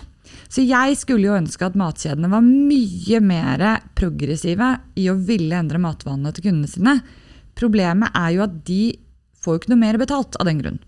Med mindre de klarer å ta en posisjon som en matvarekjede som hjelper folk. Problemet er at da får du disse som er sinte på meg i kommentarfeltene, som også er kunder av disse butikkene, som boikotter. yes. Så går en butikk ut og sier sånn Vi skal redusere kjøttforbruket, vi skal hjelpe kundene våre til å gjøre det. Vi skal øke grønnsakskonsumet, og i år er belgvekstenes år, da. Da mister de kunder. yes. Jeg tror at de får flere kunder òg. Jeg tror det er det i hvert fall ledelsen er redd for, da, er å miste kundene. Jeg tror at regnestykket ville gått i pluss hvis de gjør det på riktig måte. Men da må du satse ordentlig. Og strengt talt, hvis de bare gjør det sånn som de gjør det i dag, så tjener de jo penger, så why should ja, they? Helt vilt. Ja. De har tre store dagligvareaktører i Norge. De har ikke konkurranse. Det er bare tre. Så de sitter der. Eier du butikken som er i nærheten av der folk bor, så tjener du penger. Mm. Og nivået over der igjen er jo politikerne, da. Yes, de For det er eh, jo oss, individer, mm, som kan gjøre en forskjell. mm, Og gjøre små endringer i hverdagen. mm, Eller større hopp, sånn som vi snakka om i begynnelsen. mm, Og så er det selvfølgelig dit vi går for å handle maten, Mm. som kan hjelpe oss å gjøre en forskjell. mm. Eh, over det igjen er det jo politikerne. Ja, men hvem er politikerne? Det er jo oss. Yes. Det er problemet. Fordi selv om Norges, eller nordmenn sier at vi vil redusere kjøttforbruket, vi vil øke grønnsakskonsumet, vi vil spise mer klimavennlig, vi vil leve mer klimavennlig. Det er sånn overordnet prosentuell konsensus i Norge om at vi vil det. Det er mange som ikke vil det òg, men Og et, enda fakta. ja. Syv av ti er overvektige.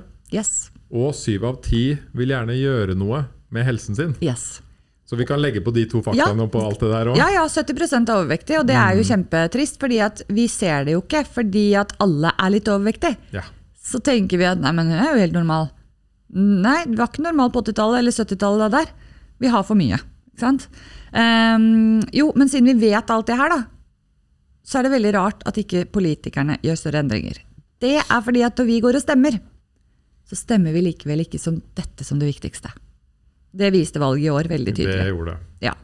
Uh, og det at MDG, Venstre, altså de som har de mest liksom, progressive klimaløsningene, at de ikke får mer stemmer, det tror jeg er fordi at vi er alle enige at det bør gjøres. Men så var det den strømregninga, da. Vi har det jo ganske digg. Ja, og den, eh, det er andre ting som er mer pressende i hverdagen enn å redusere kjøttforbruket ditt, f.eks. Eller å, hvor mye CO2-utslipp du har på flyreiser. Det er mye lettere å tenke nei, men vet du hva, jeg syns faktisk at vi har for høye strømpriser, og det vet jeg Arbeiderpartiet for eksempel, skal gjøre noe med. Så jeg vil det. Eller ja, men Senterpartiet de er opptatt av Distrikts-Norge, og jeg bor jo i distriktet. Eh, Jeg vil gjerne at de skal fikse sånn at vi får en ordentlig vei nedenfor skolen her. Ja. Da stemmer jeg for det. Selv om du kanskje egentlig er enig i det andre, Ja. så er det ikke den mest pressende saken. Og det er det som gjør at politikerne får ikke de signalene som de trenger for å kunne ta de beslutningene. For politikerne kan ikke stå nå altså Jonas Gahr Støre kan ikke gå nå og si vet du hva folkens, nå skal vi få ned kjøttforbruket i Norge, nå setter vi opp eh, skatter på det. Da blir jo regjeringen kasta. Mm. Ikke sant? For det er ikke det folk har stemt på at de skal gjøre. Og det betyr at nå har vi fire år hvor det ikke kommer til å skje noe som helst store endringer på, i politikken når det gjelder kosthold. Det er jeg helt overbevist om.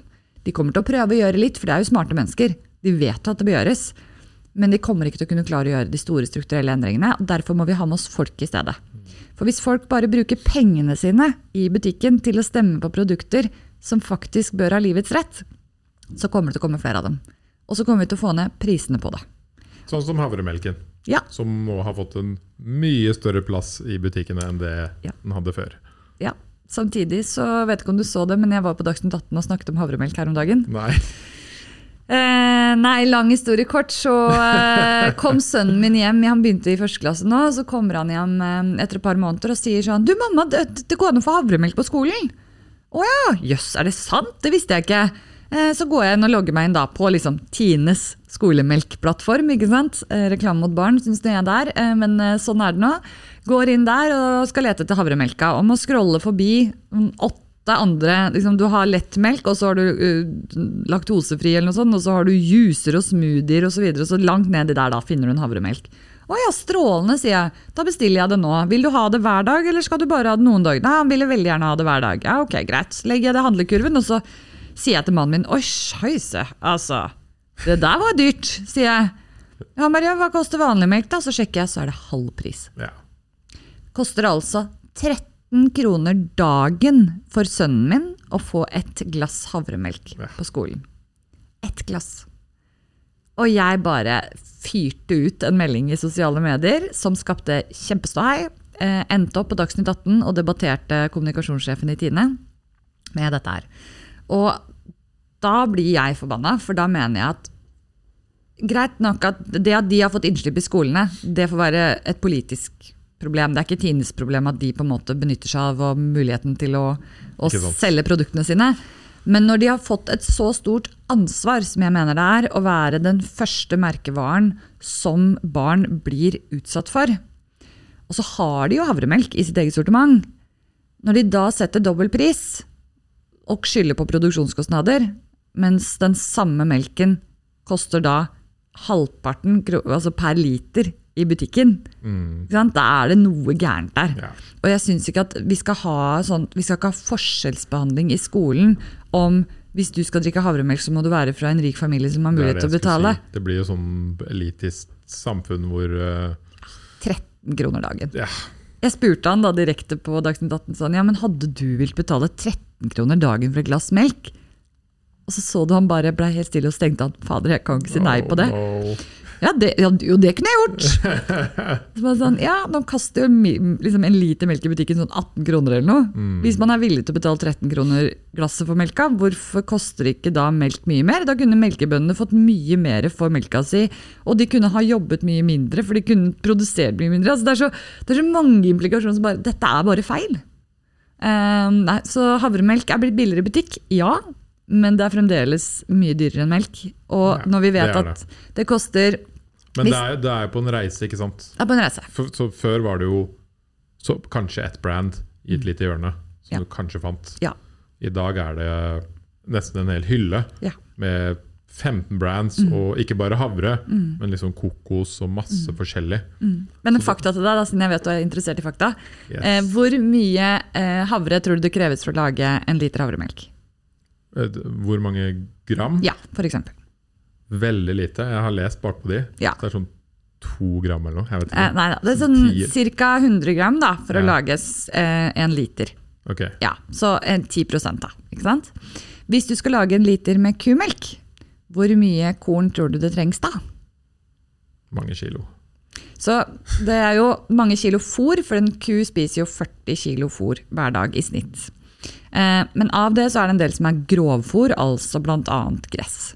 Men det er minst 8 kilo kraftfôr i en vanlig melkeku i Norge hver eneste dag. Og det kraftfôret det er i store hovedtrekk korn. Så det kan på en måte være havre. Og det er havre også, men det er havre og rug og bygg. Og så er det jo noe soya, og så er det noe maismel osv. Men hvis vi bare tenker på kraftfôr, det kunne vi, det kunne vi jo lagd melka selv. Da er det 300 gram kraftfôr som kreves for én liter melk. Og så kreves det 100 gram da kraftfôr i gåseøynene for å lage 1 liter havremelk. Og så slipper du å ha et levende vesen som noen passer på, og har i en bygning. Og har sant, alt det ekstra som kreves for å putte det gjennom kua, i stedet for å lage havremelken ved siden av. Hvordan vi som samfunn kan akseptere at den havremelka ikke er billigere, og at ikke det er gjengs å ha overalt, det fatter og begriper jeg ikke. Fordi det er ikke mulig. Nei. Og så er det selvfølgelig mengder og konsum og liksom alt sånt. Men det sier jo bare at melka fra en ku er latterlig billig og underprisa, og bonden er underbetalt. Yes. Ikke sant. Og staten betaler vel også bonden for å være bonde og drive med melk? Ja, Landbrukssubsidiene gjør jo Yes. at du den reelle prisen er ikke der. Eh, Jeg husker ikke dette helt i hodet nå, så jeg skal ikke si tallene, men når du kjøper en, en kilo med lam, da, f.eks., så er det vel sånn at eh, hvis kiloprisen er eh, 150 da, i butikk, jeg kan ikke disse prisene godt, så burde den kanskje kostet egentlig 300 hvis du ikke hadde hatt subsidiene. Og For meg da så syns jeg det blir feil at mine skattekroner på de vegetarbøkene der går til å redusere prisen på kjøtt i butikken. Ja. Jeg vil at de skattekronene skal gå til å betale for maten jeg spiser i butikken. Ikke til å subsidiere ting for at en bonde skal få holde på med det han alltid har gjort. Det er jo ikke sånn vi holder på med. La oss si vi vet alle sammen at vi må fly mindre. Men hvorfor er det ingen som snakker om de stakkars pilotene? Hva skal de gjøre da hvis vi flyr mindre? Men når det gjelder bønder, så er det liksom et lovlig argument. Fordi det er akkurat som at vi tror at ikke bønder kan gjøre noe annet. Nei, og altså, herregud, man, man har jo snudd masse industrier før. Man må jo drive med innovasjon. Verden er jo under endring. Ja, det er Den vil ikke være lik om 50 år. når bilen kom, så var det vel ingen som Hva skal kuskene gjøre? Men det er det som er også i sånn eh, relasjon til det vi starta å snakke med. I Sverige har de lagd Oatly, og det har blitt en kjempesuksess. Hvis Tine hadde hørt på deg for åtte år siden, så kunne vi også hatt en sånn kjempesuksess. Og de har jo nå havremelk, men de satser jo ikke ordentlig. Nei. De satser litt nå fordi de ser at markedet er der. Men de viser jo ingen villighet til å bli store på det. Men det er jo ikke så rart, for de eies jo av melkebønder. Du må få med deg melkebøndene på greia. Og så mener jo ikke jeg, bare for å forsvare det litt med bønder, da, det er at jeg er ikke noe fiende av bønder. Jeg er bare fiende av at, jeg, at det er et argument at de skal gjøre det de alltid har gjort. Jeg mener jo at de bør ha dobbelt så mye betalt, minst, per liter eller kilo eller hva det nå er de produserer. Um, som da ikke skal gjøre at vi bare får tre-fire bønder i Norge, men vi skal betale dobbelt så mye i butikk også. Som gjør at de kan gjøre halvparten så mye jobb, fordi at alle jobber altfor mye, men får minst like godt betalt. Ikke sant? Men det er det mange som tror at ja, men det er ikke folk villige til. Nei, men vet du hva? Da er ikke folk villige til å spise kjøtt. Hvis ikke du er villig Nei, til da å vil du kutte ned kjøttspisinga di. Ja. Hvis det hadde vært dyrere. Ja, og de, jeg tror ikke Norge kommer til å slutte å spise kjøtt om vi hadde satt Nei. opp prisen til La oss si at du satte opp prisen med 60 da. Jeg tror at vi hadde spist veldig mye kjøtt likevel, men du hadde blitt kvitt en del av de der aller, aller dårligste kjøttet. Fordi at det, du, du trenger ikke å ha så dårlig dyrevelferd for Nei. å produsere det. Og det er jo også en annen ting. Altså, det er jo en skam at vi tillater sånne raser som Ross 308, som er sånn kyllingrase som vokser fra da eh, 0 til 25 dager, ikke sant? så skal den gå og hva er det, 4000 ganger vekten sin. Altså, det er bare sånn derre Alle knekker beina og vingene, klarer er ikke å fly. helt Og, så sitter vi der. Jeg har jo hatt. Norun her òg. Ja, Norun, Norun Haugen. Mm. Haugen ja. Som har gjort en utrolig jobb. Ja, altså Hun er jo en helt. ja. Og har faktisk fått filma mye av det her. Ja. Og Og så får hun pepper for at ikke hun har stoppet. Ja. Eh, liksom at eh, hun står og lærer hvordan man skal avlive en gris, og så får hun kjeft fordi at ikke hun sa 'nei, dette vil jeg ikke gjøre'. Men herregud, hvor mye griser hadde hun redda da, liksom?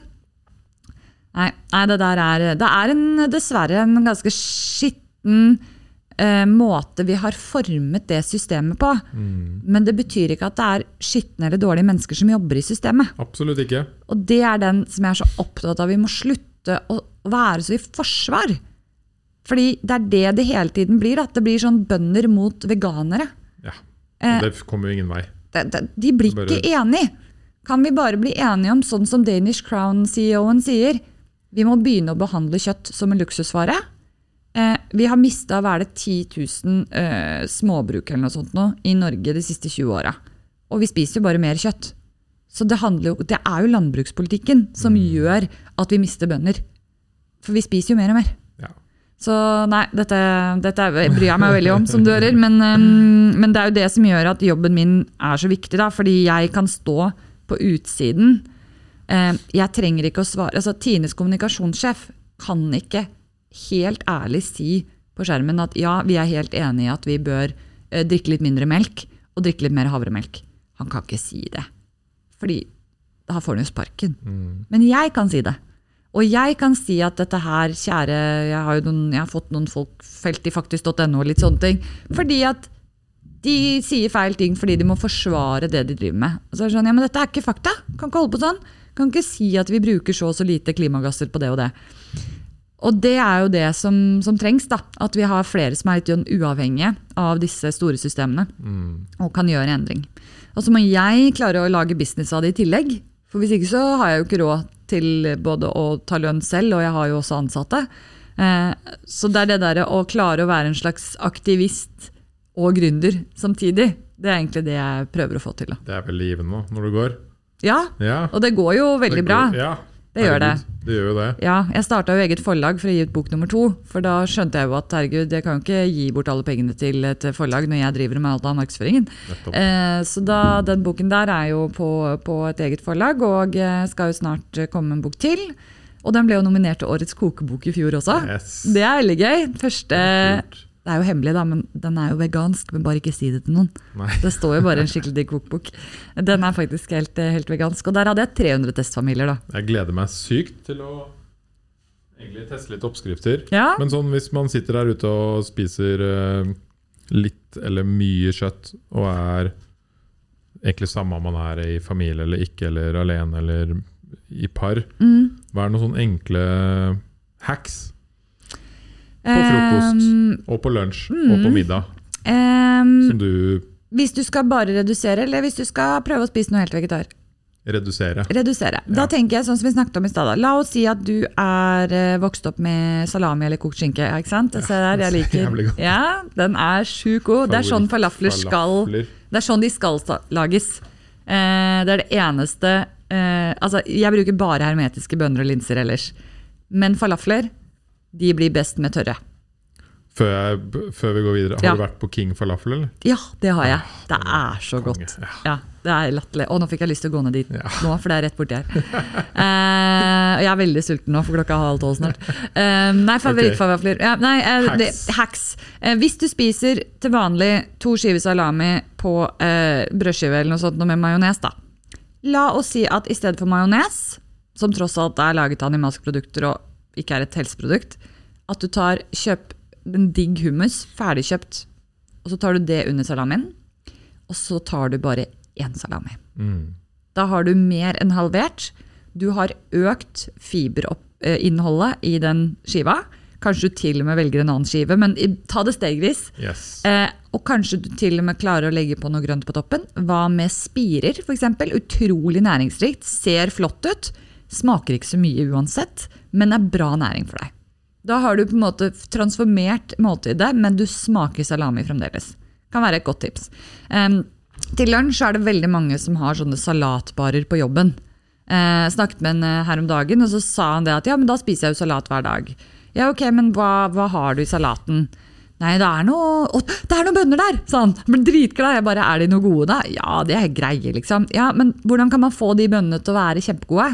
Jo, men kanskje du klarer å Kanskje de har noe syre der. Altså, ofte så har du ikke lime og sitron og sånt i sånne steder, men du kanskje har noe balsamico eller Yes. noe eddik eller liksom en annen type Kanskje granateple ligger der, eller tomater har syre i seg. Kanskje det er fint å blande med det. Kanskje du vil ha på noe chili flakes. Kanskje de har noe sriracha-majones, så du kan ha bare litt av det og få den smaken. Um, og så er det det der, ok, hvordan kan du få dette til å liksom bli saftig? Hvordan kan du få i deg mye grønt uten at du bare sitter og tygger på agurk, liksom? Ja, ok, Kanskje du kan blande det inn med hummus. Jeg er veldig glad i hummus, da. Men ja, ja, digger det. altså når du først har begynt å skjønne hvor godt hummus er med alt, så er det veldig fint triks, for det er jo laget av kikerter, så det er jo veldig sunt også. Men det er det der å bare tenke ok, hvordan kan jeg få inn mer fiber? Hvis du bare holder fokus på jeg skal klare å få i meg så mye fiber som mulig, hvis du en dag også kanskje vil regne på det, så kan du begynne å se hvor dårlig det stilt er. Vi bør spise minst, du som er mann, 30 gram fiber om dagen. Og du spiser antageligvis, noen, ikke deg da, for du spiser kanskje litt mer, men mellom 20 og 25. Eh, og det høres ikke så mye ut, men det er, det er et helt måltid du på en måte mangler med fiber i løpet av en dag. Og bare én av fem klarer jo å spise fem om dagen. Så det å bare Ok, hvor kan jeg fylle på én porsjon til med grønt? 100 gram til. Om det er et eple ekstra om dagen, eller om det er en neve spinat ekstra mm. til den salaten. Prøv å få det i deg, og så prøver du å tenke hva hadde gjort at denne hadde smakt enda bedre. Trenger den salt? Trenger den kyllingkrydder? Det er ikke noe kylling i kyllingkrydder, men det kan gi den smaken. Trenger det noe sødme, kanskje? Da Kanskje du skal ha noe altså Tomater er jo ikke alltid så veldig søte i Norge. Eh, kanskje du skal da finne noe annet som har denne lille søtheten. Kanskje litt mango. Ja. Som gjør at det løfter seg. da. Så jeg pleier å si det er liksom, du, har, eh, du må ha flere elementer. Du må ha salt, du må ha sødme, du må ha syre. Det er veldig viktige elementer i all matlaging. Så må du ha heat, eller liksom, styrke, altså noe som kicker litt. Det trenger ikke bare være chili, og sånn, men noe som har en litt sånn ekstra smak. Mm. Eh, så må du ha det jeg pleier å kalle for eh, knas. Eh, så en eller annen ting som står ut. Noe som har en tekstur som er annerledes enn det andre. Det er derfor Hvis du skal ha en suppe Jeg har aldri suppe uten topping. Eller brød ved siden av. For det er liksom noe med Ellers så blir det bare å drikke en saus. Ikke sant? Du må ha noe Jeg er helt enig. Ja, det går ikke. Nei. nei. du må ha topping.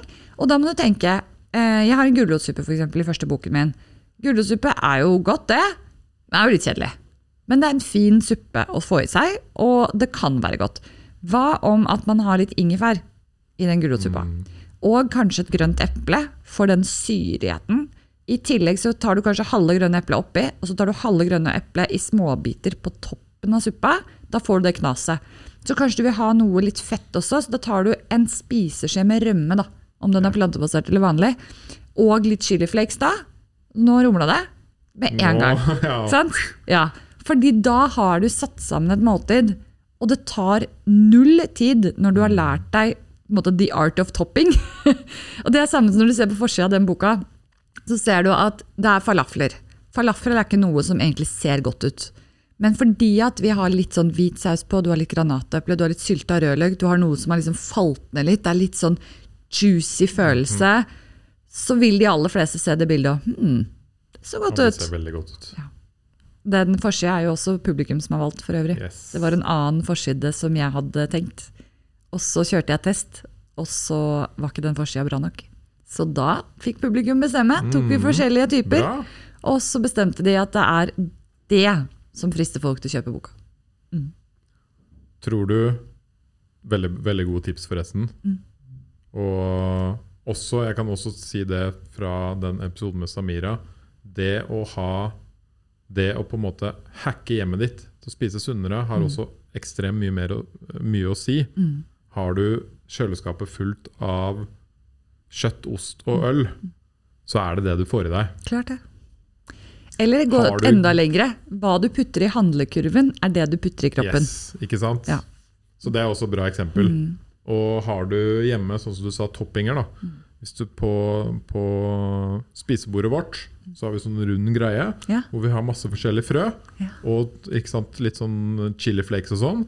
Og når vi sitter og spiser, bare Ja, den passer sikkert bra på her. Perfekt. Yes. Veldig lurt. Og da får man alltid i seg ekstra frø og litt mm. ekstra sånn piff. og ja og det, det, er, det, er, så tilgjengelig at du glemmer det ikke. For det er ikke de tingene som står De frøene som står bakerst i en hylle langt borte et sted, som nei. du av og til ser inn i, og så bare Nei, jeg tør egentlig ikke å Det er samme som at eh, barna mine får hver dag, eh, og det er jo kjedelig, fordi man skal jo helst gi forskjellig mat. da.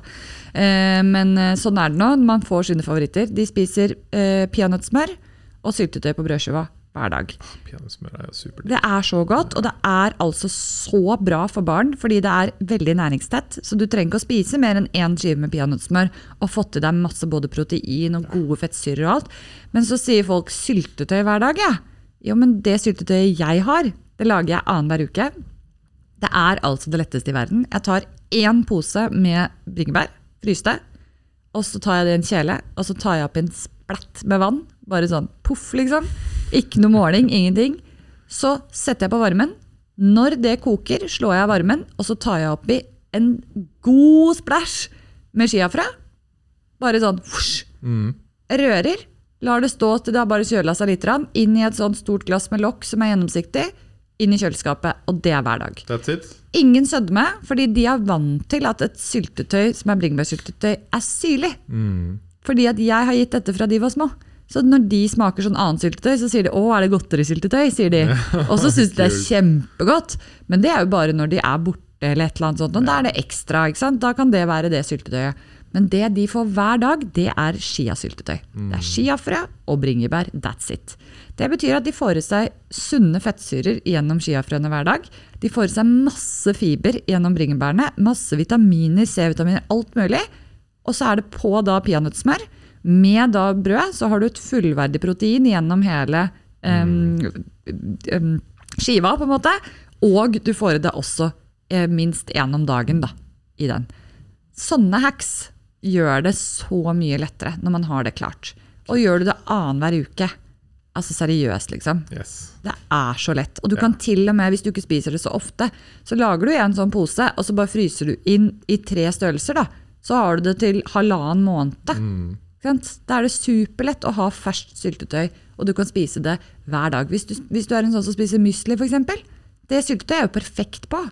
Fordi at det å ha masse friske bær og sånn, det har vi jo ikke alltid, og det er ganske dyrt å kjøpe. og nå må man jo liksom kjøpe det fra andre land, og det er litt sånn kjedelig. Mm. Men fryse bringebær er jo helt perfekt.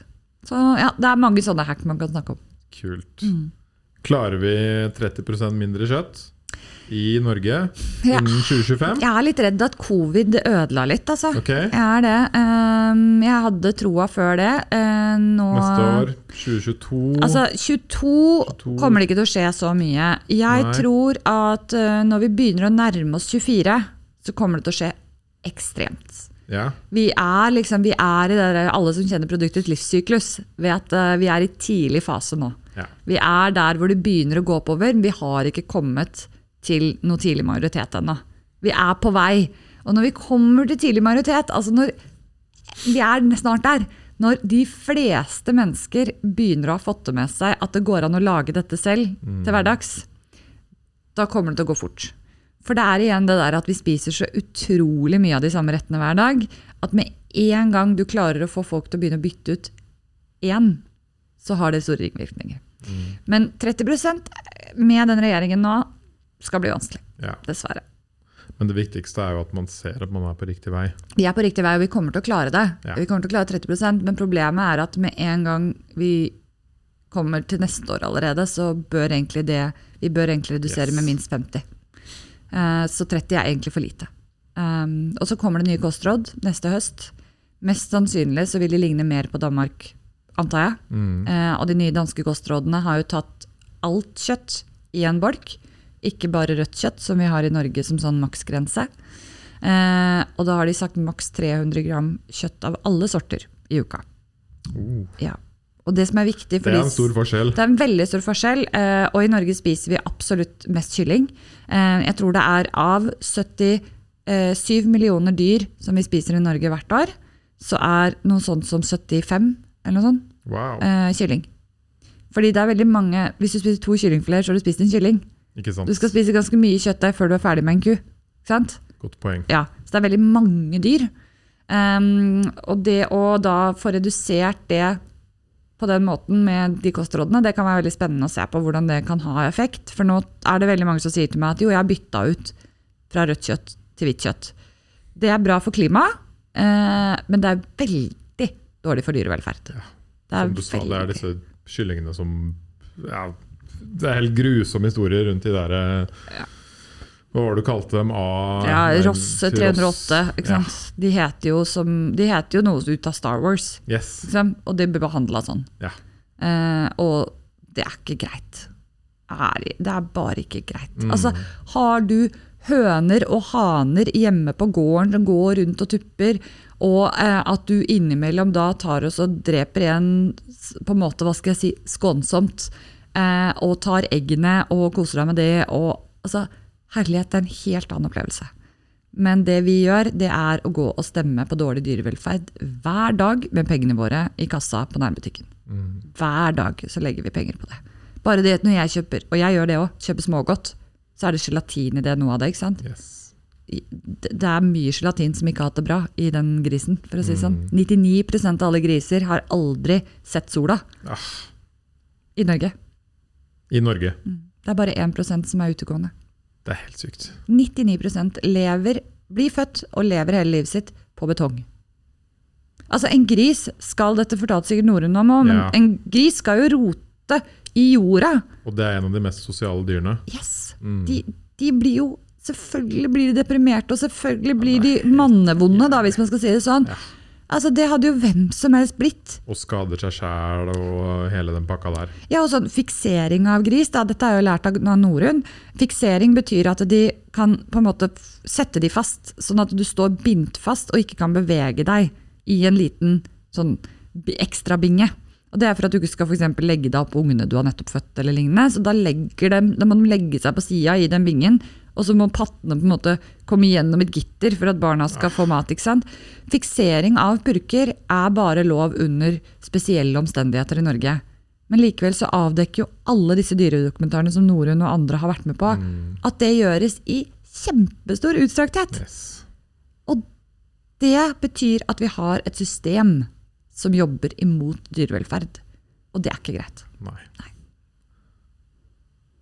Uansett så kan vi som individer For nå, nå went we down the dark path. Ja, vi gjør det. Vi det er det. viktig å vite de tingene òg.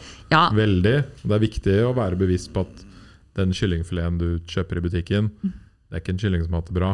Eller det baconet. Nei. selv om det står på pakka at det ser ut som de står på gress og sånn, så gjør det ikke det. Ikke sant? Og det er, ja, det fins frilansgris i Norge, men da må du kjøpe frilansgris, da. Jepp. Ikke sant? Og da kjøper du det sannsynligvis litt mer sjelden. Ja, og et godt tips da, hvis folk blir litt sånn men jeg vil bare kjøpe jeg vil bare kjøpe noe kjøtt, jeg vil liksom bare si hva jeg skal kjøpe. da. Gå inn på dyrevern.no og last ned dyrevennlig-appen deres. Der har du oversikt over hvilke kjøttprodusenter med sånn terningkast på en måte, eller trafikklys. Kjøp de på grønt, da. Ikke sant? Ikke sant? Hvis du ikke vil redusere kjøttforbruket i det hele tatt, kjøp på grønt, så er vi, så er vi enige.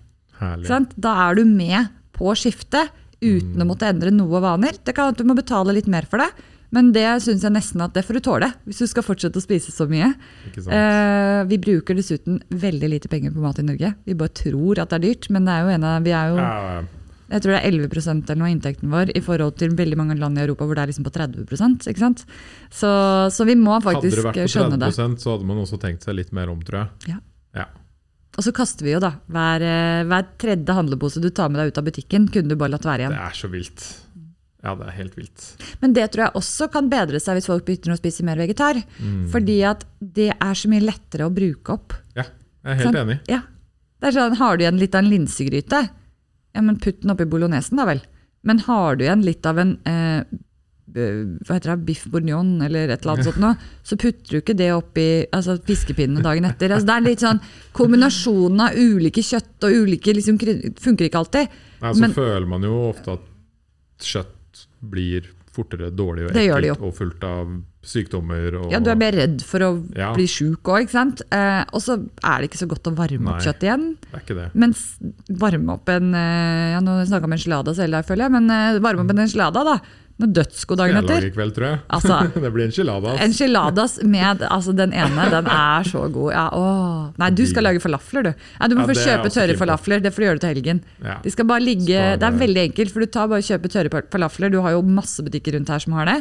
Så legger du det bare i vann på kvelden, og så ligger det der i tolv timer. Og så dagen etter så er det kjempelett å lage de. Det er bare at de må ligge og svelle, eh, sånn at du kan Mm. bruke de dagen etter. Kult. Mm. Men det folk kan eh, det var, Jeg har lært masse i denne samtalen her, Så bra. og du gjør en veldig god jobb Takk. for å liksom i hvert fall nærme oss den 30% og mer Mm. på sikt. Mm. Og litt av det jeg syns er veldig kult, og som du er flink til, er jo å presentere og vise fram retter som alle kan lage. Takk. Mm. Ja, det er 100 000 bøker nå, så det begynner å hjelpe. 100 000 bøker. Så hvis folk Når kommer neste boka? Forresten? Eh, det vet jeg ikke nå, men eh, den, er i, den er i sin spede begynnelse. er Og her er greia. familien, eller? Det er, eh, det er de som var med i bok to, ja. Både på denne siden og på andre permen. Så er det, jeg tror det er 142 av de 300 som sendte inn bilde. Eh, Så det jeg vil at du skal gjøre, da, og det gjelder alle andre også hvis de kjøper mine bøker, eller andre bøker som de har lyst til å faktisk lære noe av, og ikke bare ha som sånn støvsamler. Der har du crispy ducken din. Det er crispy jackfruit. Isteden. Oh. Eh, det er at når, når du setter deg ned med denne boken her, tar deg et glass rødvin eller kombucha eller hva du nå sitter og koser deg med, der er vinnerlasagnen, så skal du sette eselører på alt som ser eller høres godt ut. Ja, Og så skal ikke boka inn i bokhylla før du har laget alt du har satt eseløre på. Hvis du gjør det, så tvinger du deg selv til å liksom huske at ja, men stemmer det, det, det har jeg ikke laget ennå. Da må jeg, nå, det sa jeg til meg selv. Det er litt sånn som det derre å liksom Nei, nå skal jeg spise vegetar eller vegansk en hel måned. Litt sånn, vet du hva, Jeg skal lage alle disse eselørene her, og da vil den stå på kjøkkenet og minne deg på det hver dag. Da plutselig har du fått testa kanskje Kanskje du klarer å teste ti retter før jul, da. Og så blir tre av de nye favoritter. Som kommer inn i Kommer inn. livet ditt Yes. i syklusen. yes. Kult. Veldig bra tips. Anne Lene. Mm. Veldig gøy å snakke med deg. Takk det samme. Hvis folk vil uh, følge deg online, Mm. hva skal de? Eh, hvis du er veldig interessert, så er det Instagram som er det daglige. Der er det både masse oppskrifter og tips, og også litt sånn reisen. Eh, hvordan jeg jobber med politisk og litt andre ting eh, for å få til dette her. Ja. Eh, hvis du bare vil ha oppskrifter, så kan du gå på hannelene.no. Der ligger det masse ute. Og Ja. så hvis du vil støtte prosjektet, så er det å kjøpe bøkene som heter En skikkelig digg kokebok 1 og 2. Skikkelig digg kokebok. Og de er er perfekte julegaver, må jeg si. Aha, Og- en, eh, en følger sendte meg melding her en dagen. Hun skulle kjøpe det til alle hun kjente i år. Og så var planen hennes å lage et lite ark hvor hun skulle skrive opp dette er våre familiefavoritter. Og vi, f.eks. vinnerlasagnen passer bra når du skal ha eh, gjester på lørdagskvelden. Denne passer bra til hverdags. Utrolig hyggelig gave. Så jeg sendte henne tre ekstra bøker, da, for jeg syns det var så fin, eh, fint gjort. Det er veldig Um, bra triks òg, hvis du vil at vennen din skal lage mer vegetar. Ja, Bare her har du bok. ja. Fin julegave, for Ja. det første. Også det å by på det. at du kan jo dette- invitere på Dette er mine favoritter. Ikke sant? For hvis du får en bok av, Hvis du hadde fått en bok av sånn fermentert mat Oi, hvor skal jeg begynne her, da? Liksom. Altså, man blir jo sånn, og sånn er det når noen får en vegetarbok som ikke de har bedt om. mm. Så det å gi de disse tre her, er det jeg anbefaler veldig høyt. Hvis du ikke liker de da, gi tilbake boka til meg, så skal du få en annen bok av meg. yes. Ikke sant? Det er kult. Herlig. Mm. Bra tips. Tusen takk for besøket. Takk for i dag.